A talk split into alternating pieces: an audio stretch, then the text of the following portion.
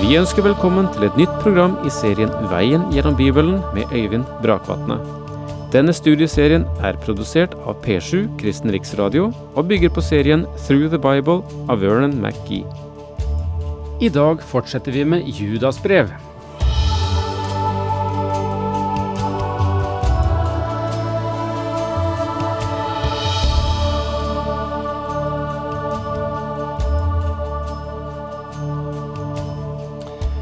Judas brev var et aktuelt, meget aktuelt brev da det i sin tid ble skrevet.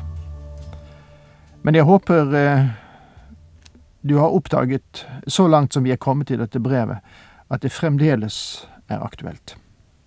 Ja, jeg må nesten si meget aktuelt. Det Judas forteller om, er en frafallstid som eh, er på vei inn i menigheten, og som vil forsterkes. Og eh, så langt som vi nå er kommet i brevet, forteller Judas om de troendes holdning, hvordan den skal være i en frafallstid.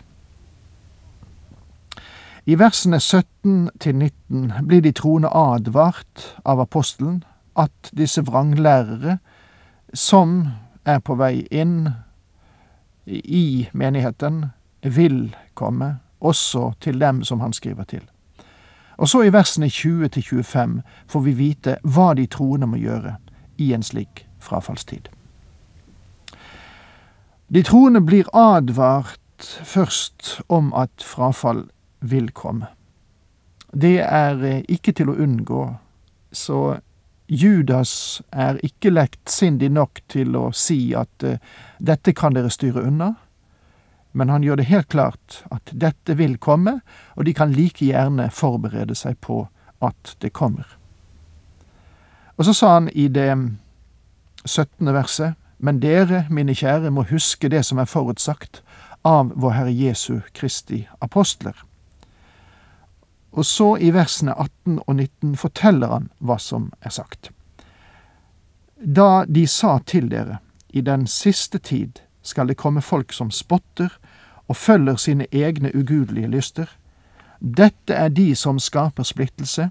De har sjel, men ånden har de ikke. Vi har allerede sagt litt om verset 18 og gått inn på vers 19, og her vil vi fortsette i dag. Og jeg vil bruke noe tid på det, for her er det viktige ting vi berører. Dette er de som skaper splittelse. De har sjel, men ånden har de ikke. Ordet sjel eller sjelelig er psykikos, og fra det ordet får vi vårt psykologi. Det betyr et liv som er sentrert om individet, som er sentrert om jeg. Det er en egoistisk måte å leve på, der enkeltmennesket blir det viktigste. Jeg kommer først. Det er selvisk, det er naturlig. Det er livet for det, skal jeg si, urestaurerte mennesket. Det mennesket som ikke er født på ny. Psyket og det vil med ordbrukt her, det vil si sjelen. Det er sentrum for personligheten. Det er jeget i hvert individ. Og det er i hvert menneske bundet til ånden, som, men, som er menneskets høyere sfære. Og det er også bundet til legeme, til menneskets lavere sfære, og dras oppover gjennom det ene og nedad gjennom den andre. Den som hengir seg selv til de lavere drifter, er sarkikos, det vil si kjødelig, mens den som kommuniserer med sitt pnevma, det vil si med sin ånd, med Guds ånd, korresponderer med de høyere mål for sin tilværelse. De er pneumatikos, det vil si åndelige. Jeg bruker noen av de greske ordene her også fordi at de skiller dette bedre ut enn vi av og til kan gjøre på norsk. Den som stopper på halvveien, som tenker bare på seg og sine egne interesser, enten det er de lavere drifter eller intellektuelle dragninger, de er psykikos, sensuelle, sjeliske. Det selviske mennesket, det mennesket der ånden er sunket ned til og degradert til å være underordnet det underordnede psyke. Men ånden har de ikke. Disse som forvrenger Guds nåde, har ikke Guds hellige ånd. Guds ånd bor ikke i dem.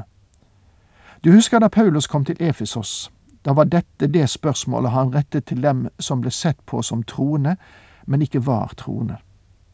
De hadde bare hørt om Johannesdåpen, og Paulus spurte dem, Fikk dere Den hellige ånd da dere først kom til troen? Det kjente de ikke noe til. De hadde hørt om Johannes' tjeneste, men hadde ikke lært noe angående Jesu døde oppstandelse. Da Paulus forklarte dette for dem, tok de imot Kristus og mottok Den hellige ånd. Dette kan du lese om i Apostlenes gjerninger, kapittel 19. Vi må være klar over at mennesket er en tredelt skapning, sett i bibelsk sammenheng. Det vil si at de har, de har en trefoldig natur. I første Tessalonikerbrev kapittel 5 vers 23 leser vi Må Han, fredens Gud, hellige dere helt igjennom, og må deres ånd, sjel og legeme bli bevart uskadd, så dere kan være uklanderlige når vår Herre Jesus Kristus kommer. Altså, mennesket har legeme, sjel, ånd. Leser du med oppmerksomhet skapelseshistorien for mennesket i Første Mosebok, så vil du se at fysisk ble mennesket tatt fra jorden. Når vi har brukt våre legemer, altså ved døden, så beveger vi oss ut av hylsteret, og disse legemer vil vende tilbake til jorden. Når den troende blir reist opp igjen, vil legemet også bli oppreist som et oppstandelseslegeme. Det sås i forgjengelighet, og det oppstår i uforgjengelighet. Hva hendte med dette fysiske mennesket som Gud skapte? Ja, det ble gitt det vi kan kalle en sjel, men ordet blir ofte misforstått. Han blir altså gitt den psykologiske del av seg selv, det vil si den del som dirigerer ham i hans forhold til det fysiske univers. Mennesket blir sultent, derfor går det og spiser. Det lengter etter underholdning og skaffer seg det. Individet kan være, kan være svært elskelig, attraktivt, og det har det vi kan kalle karisma. Det er mange ufrelste mennesker som er helt strålende.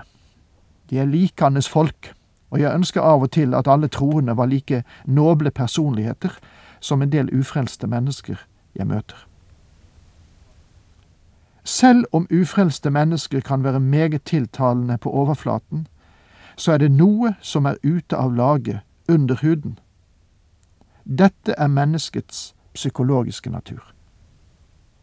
Men Gud åndet også inn i mennesket livets ånd, eller vinden, pneuma, som betyr ånd. Dette er menneskets ånd. Det ligger over det psykologiske stadium. Det er det som dras mot Gud, det som lengter etter Gud, det som ønsker å tilbe og bygge et alter. Mennesket har derfor et tredelt natur. Her er legeme, eller den fysiske siden, sjelen, eller den psykologiske siden, og ånden, eller den pneumatiske side. Den psykologiske side er det som Judas her kaller sjel, i vers 19. Hva var det nå som hendte med mennesket ved fallet? Ja, jeg synes det er enklest å tenke på mennesket i sin trefoldige natur som et hus med tre etasjer. I første etasje har vi spisestuen og kjøkkenet, det er det fysiske. I neste etasje har vi biblioteket og musikkrommet, det er det psykologiske. Og i toppetasjen er det et kapell, et sted der mennesket kan tilbe. Det er det åndelige. I toppetasjen er også Guds ord, fordi mennesket ikke kan forstå det uten at Guds ånd leder ham. Det naturlige mennesket ønsker ikke engang Guds ord. Det åndelige var i øverste etasje, men ved fallet døde mennesket faktisk åndelig, og huset ble vendt opp ned. Det fysiske kom på toppen. Mennesket i sin naturlige funksjon er primært fysisk. Kjøtt og poteter er topp prioritet. Selvoppholdelse er livets første lov. Og mennesket har det til felles med dyreverdenen at det er fysisk betinget. Men mennesket er også psykologisk betinget. Mennesket er selvbevisst. Det gleder seg over musikk, elsker skjønnhet, og hengir seg også til umoral. Dette er det sensuelle området. Sjelen, som Judas refererer til.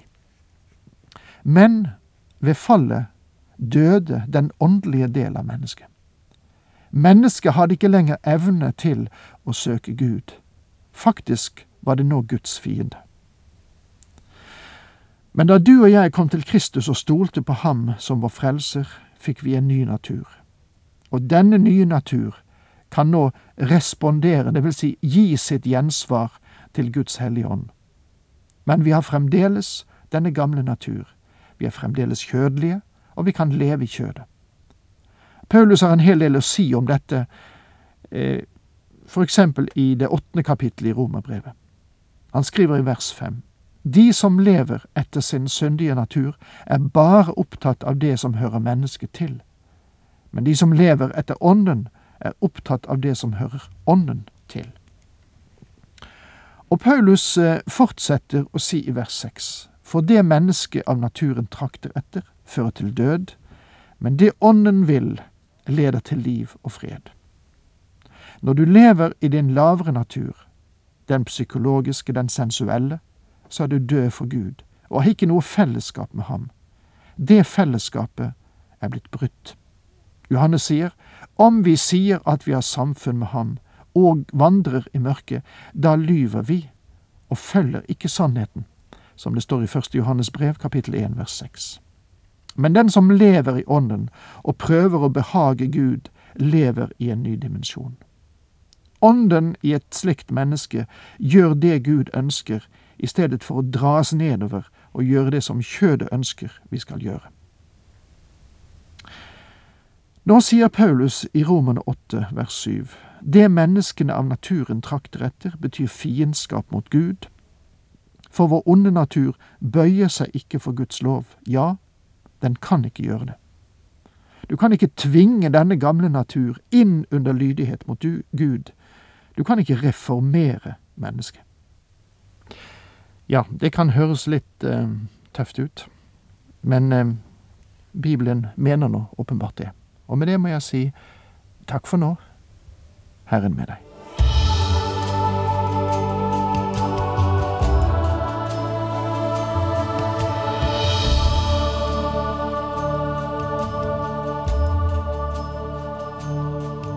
Du hørte Øyvind Brakvatne i studieserien Veien gjennom Bibelen. Serien bygger på et manus av Vern McGee. Har du spørsmål eller kommentarer til programmet, kan du sende en e-post til vgb krøllalfa p7.no. Takk for i dag, og på gjenhør.